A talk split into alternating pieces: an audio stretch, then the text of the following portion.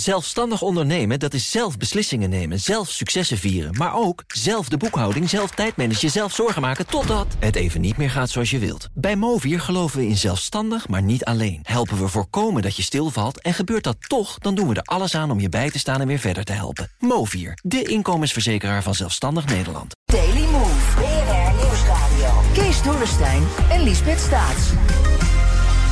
E-mails, appjes, je telefoon en dan is er ook nog Teams of Slack. Als je wil kun je 24 uur per dag aan het werk zijn.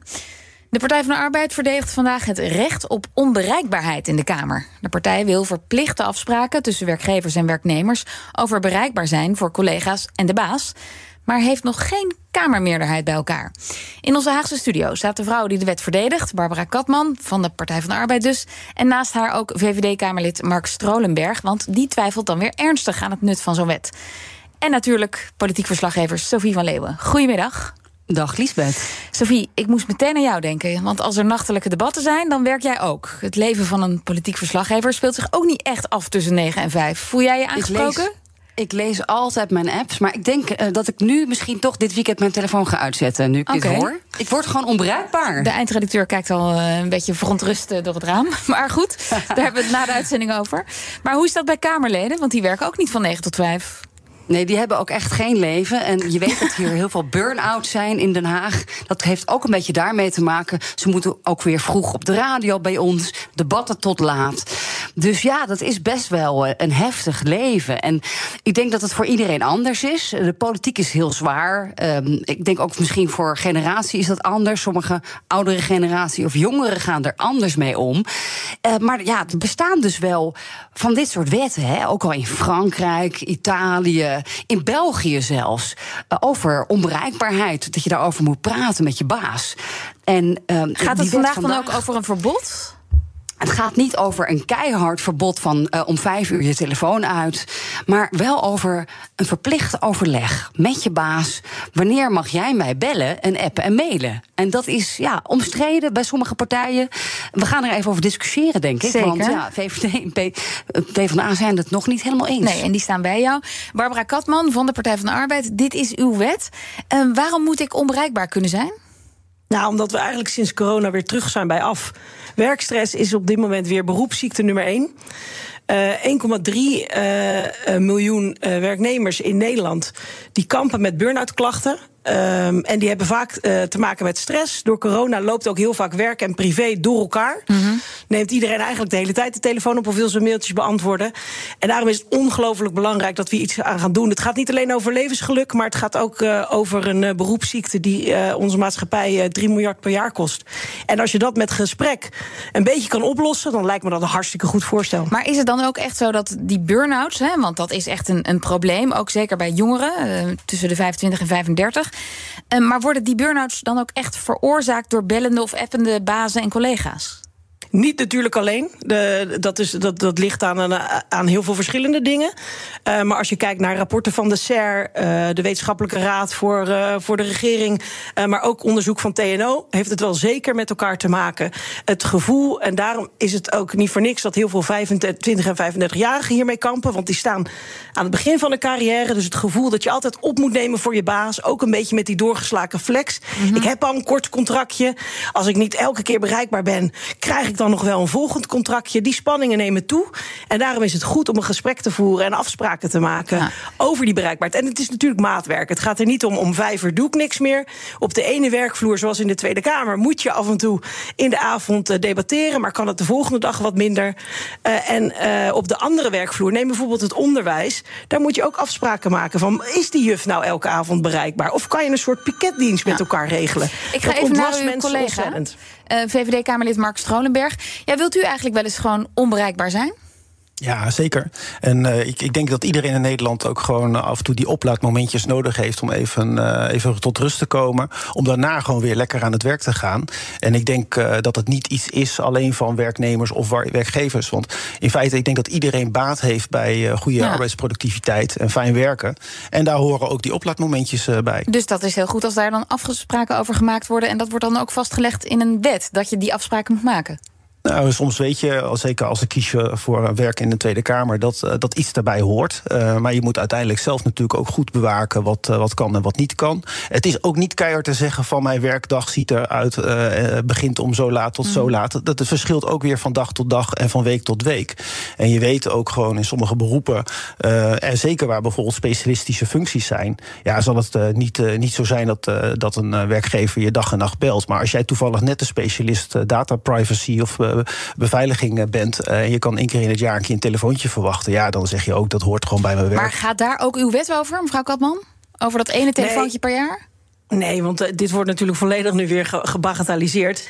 Neem bijvoorbeeld de Tweede Kamer. Als ik naar mijn eigen medewerkers kijk. Natuurlijk weten zij dat zij heel vaak gewoon uh, in het weekend uh, of, in, of s'avonds bereikbaar moeten zijn. Maar daarom moet je juist hele concrete afspraken over maken. Wanneer wel, wanneer niet. Sta je op een feestje en je wil ook gewoon een keer genieten. dan, maar wat dan heeft u dan zelf afgesproken met uw medewerkers? Ik heb met mijn medewerkers hele duidelijke afspraken. Bijvoorbeeld uh, over appen s'avonds. En onder welke voorwaarden je dat wel of niet doet. En, en hoe gaat dat dan? En dat vinden zij heel belangrijk. Ik heb heel veel medewerkers tussen de 25 en de 35 die echt het gevoel hebben dat ze altijd aan moeten staan omdat ze in de Tweede Kamer um, uh, werken. Ze, ze, zijn ook bezig aan het begin van hun carrière, willen stappen maken. En ik ren maar de hele dag rond. uh, en, en, zij hebben de hele tijd het idee dat ze moeten leveren. Ja. Dus het is heel goed om eens even stil te staan, niet te rennen en afspraken te maken en te zeggen: joh, ik gun jou ook gewoon je levensgeluk. En jij bent voor mij een veel betere medewerker als je niet de hele tijd het idee hebt dat als ik even een appje stuur, dat je daar dan gelijk op hoeft te reageren. Dus als u om half elf avonds een appje stuurt, dan hoeven zij niet te reageren? Nee, dat is alleen maar onder bepaalde voorwaarden. Oké. Okay. Maar u, u, zegt het al, van mij, wij maken gewoon duidelijke afspraken. Is dat ook niet gewoon goed werkgeverschap? Moeten we dat dan weer direct een beetje betuttelend in een, wet, in een wet vastleggen? Nee, betuttelend is het niet. Want uh, we voeren dit maatschappelijke debat echt al heel lang. Nou, u zegt keiharde, je keiharde afspraak maken. Dus dat betekent gewoon dat je keihard gaat zeggen... dit zijn de tijdvensters. Althans, uh, dat is voor wat ik dan verwacht dat u dat zegt. En, uh, en je merkt nu ook gewoon wel dat ook corona laat zien... dat je steeds meer tijd en plaats onafhankelijk aan het werk bent. En ik moet ook zeggen, ik hoor dat ook bij mensen om mij heen... die vinden dat zelfs ook wel soms prettig. Um, en dan zie je bijvoorbeeld ook dat het dan gewoon mogelijk is... om overdag gewoon ook even de boodschap, een boodschap te doen. En s'avonds gewoon even iets langer je laptop uh, open te hebben staan. En daarnaast is het ook niet zo, hè, want, um, en dat is gewoon ook in dit wetvoorstel slecht onderbouwd. Uh, dat het direct aanwijsbaar is dat die, uh, die 1,3 miljoen, en dat is natuurlijk verschrikkelijk dat mensen overspannen zijn en dergelijke.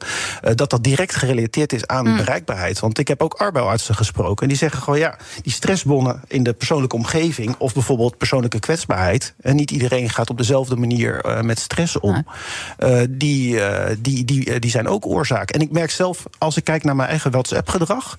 En dat heb ik wel wat aangepast. Ik heb daar trouwens ook met mijn medewerker afspraak over. Maar um, door al die WhatsApp-groepen. En als je dat gaat instellen, ook overdag trouwens. Uh, dat je voor elke bericht wat daar in die groeps WhatsApp komt een melding krijgt. Ja, dan word je knettergek. Want dan heb je gewoon elke, elke minuut maar, of halve minuut een bericht. Vraag, ja, gewoon een vraag aan allebei. Kijk, de afgelopen tien jaar heeft dat efficiënt, digitaal communiceren een enorme vlucht genomen. Nou, corona kwam daarbij, dus dan wordt het helemaal normaal om ook in je thuisomgeving met werk bezig te zijn. Krijg je die geest ooit weer terug in de fles? Ja, joh. Want even om terug te komen op die eerdere vraag over die betutteling. Voordat uh, mijn collega hier er doorheen ging. Betuttelend is het niet, omdat we dat maatschappelijk debat al heel lang voeren. En we zien dat het niet in harde afspraken op de werkvloer uiteindelijk resulteert. Mm. Er zijn maar een aantal CEO's, alleen onderwijs en een beetje kinderopvang, die dit doen. Um, terwijl de aantal burn-outs en stressgerelateerde klachten oplopen. Terwijl steeds meer fluïde is. Wanneer ben ik aan het werk? Wanneer uh, is mijn privé? Het gaat niet hier om tijdvensters. Het is maatwerk. We zijn een polderland. Het gaat om een gesprek waar je concrete afspraken maakt over je bereikbaarheid. Zodat niet iedereen straks, nou ja, eigenlijk naast zijn schoenen loopt. Toen 100 jaar geleden, toen hadden we geen arbeidstijden. En wat gebeurde er toen? Toen viel iedereen letterlijk om. Toen werkte iedereen zich kapot. En toen hebben we gezegd, laten we dat nou een beetje aan banden leggen. Toen kregen we die 40-urige werkweek. En wat we nu zien, oh ja, en, en, is dat we eigenlijk weer hetzelfde doen. We spreken af die 40-urige of die 36 ja. of die 38 uur. En inmiddels, want dat zeggen wetenschappelijke onderzoeken, zijn dat er 44 44 of 42 geworden. Wij hebben gewoon nu omdat ook we een het gevoel hebben dat we altijd aan We moeten hebben een arbeidstijdenwet en eh, daarin staan ook gewoon rechten en, eh, en plichten. En eh, dan is het ook niet nodig om dat te doen. Want op dit moment worden werknemers ook gewoon beschermd. Maar de Die wet loopt en altijd achter op de maatschappelijke werkelijkheid, toch? De, Ja, maar ik, en, ik denk, en dat zie je ook, hè, dan wil ik echt wel een pleidooi ook geven voor de, voor de goed werkgeverschap waar uw collega het over had. Je ziet ook gewoon dat steeds meer werkgevers ook zelf een belangrijke verantwoordelijkheid zien eh, in eh, goed, eh, goed werkklimaat. Want die zitten echt niet te wachten op, eh, op burn-out klachten of overspannenheid. Want dat komt ook niet de arbeidsproductiviteit ten goede. Dat straalt ook niet af in klanttevredenheid naar klanten. Je hebt gewoon absoluut eh, zorgplicht, ook als werkgever. En heel veel werkgevers zijn er op gewoon een hele goede en verstandige manier mee bezig. Er zijn misschien best wel een paar die eh, misschien werkgevers, of werkgevers die werknemers aan het stalken zijn s'avonds. Dan moet je ook misschien in deze tijd van arbeidskrapte ook als werknemers Ik nadenken zeggen, of je ja. daar dan wil blijven Ja, werken. je maakt je niet Want ik zou populair. er gewoon weggaan. ja. Toch even, hè, VVD-Kamerlid Mark Strolenberg. Er, er komt Europese eh, regelgeving aan. Dus misschien moet het uiteindelijk toch van Brussel. Ja, en daarom is het ook gewoon niet handig dat we daar nu met elkaar al over eh, gaan spreken. Vorig jaar in eh, februari is een resolutie aangenomen. Eh, binnen nu en eh, volgens mij is het in juni eh, komt, komt er vanuit Europa een soort van eh, onderhandelingsakkoord eh, van sociale Europese partners. eh, ehm, en ja, ik denk ook dat we daar gewoon op moeten wachten. Maar ik, ik wil wel, eh, wel waarschuwen. Laten we nou niet dingen dicht gaan timmeren. Want mevrouw Kamman had het ook over een, eh, eh, over een, eh, een, een voor- goed voorbeeld in, eh, in Duitsland bij Volkswagen. Waar de telefoon of daar e-mailtjes eh, om- na zes uur eh, in de shredder gingen. Ja, weet je, dat, dat, daar moeten we niet naartoe dat we mailservers uit moeten gaan zetten. Dat mensen ver- ja, eigenlijk eh, ja, verplicht worden om niet te Maar kunnen dat is werken. niet bij wet vastgelegd, toch? Nee, precies. Ik wil even zeggen, want de VVD zegt hier weer heel veel onwaarheden in één zin. Als het gaat over de Europese dan is het nog maar de vraag wat er aan zit te komen. Ik zit bovenop die sociale partners. En die zeggen, is maar heel erg de vraag of er iets aankomt. Dan wordt het over de verkiezingen getild. Dan komt er misschien wel helemaal niks. En als er al een richtlijn is, dan geldt die alleen maar voor hybride werken en telewerken. En dus niet voor al die jongeren van 2035 die nu keihard in de knel zitten met stress en burn-out klachten. Waar je gewoon één gesprekje voor wil regelen. Heeft niks te maken dat we bedrijven gaan verplichten om mails in de shredder te gooien. Gewoon echt eventjes één gesprek waarin je afspraken maakt. Dat de een een beetje levensgeluk heeft. En dat we niet met z'n allen 3 miljard ophoesten. eh omdat mensen met zoveel stressklachten komen. Sophie, Sophie die- vanavond wordt er gedebatteerd. Gaat die wet het Ja. redden? Is er een Kamermeerderheid Nou. voor de, die onbereikbaarheid? Jammer voor de PvdA, ik zie nu nog geen meerderheid. Want ja, de VVD is nog niet overtuigd. CDA ook niet. PVV ook niet. Linkse partijen denk ik wel. Maar dat wordt lastig hoor, eh, Ja. mevrouw Katman... om daar een meerderheid voor te krijgen. en mevrouw Katman. Brussel... Mevrouw Katman, het is, het is ook vanavond na achten, dat debat. Dat is niet Ja, echt een goed precies. voorbeeld voor dit onderwerp. Nee, dus ik heb dus eh, met mijn medewerker goede afspraken gemaakt over vanavond dit debat. En dan eh, morgen weer even een dagdeeltje onbereikbaar natuurlijk. Kijk, dat, zo eh, heeft u het in goed werkgeverschap gegoten. Ehm, ja, Mark Strolenberg, zo kan het dus ook. Dat je het onderling af- afspreekt. En is het dan niet een goed idee dat je daar één keer in het jaar een gesprek over hebt met je werkgever? Nou, dat gebeurt ook al. Hè. Er zijn eh, heel veel eh, bedrijven die daar ook gesprekken over aangaan. En ook in de breedte. Hè, want het gaat natuurlijk gewoon om een eh, veilige en een goede werkomgeving. En, en dit is misschien een factor.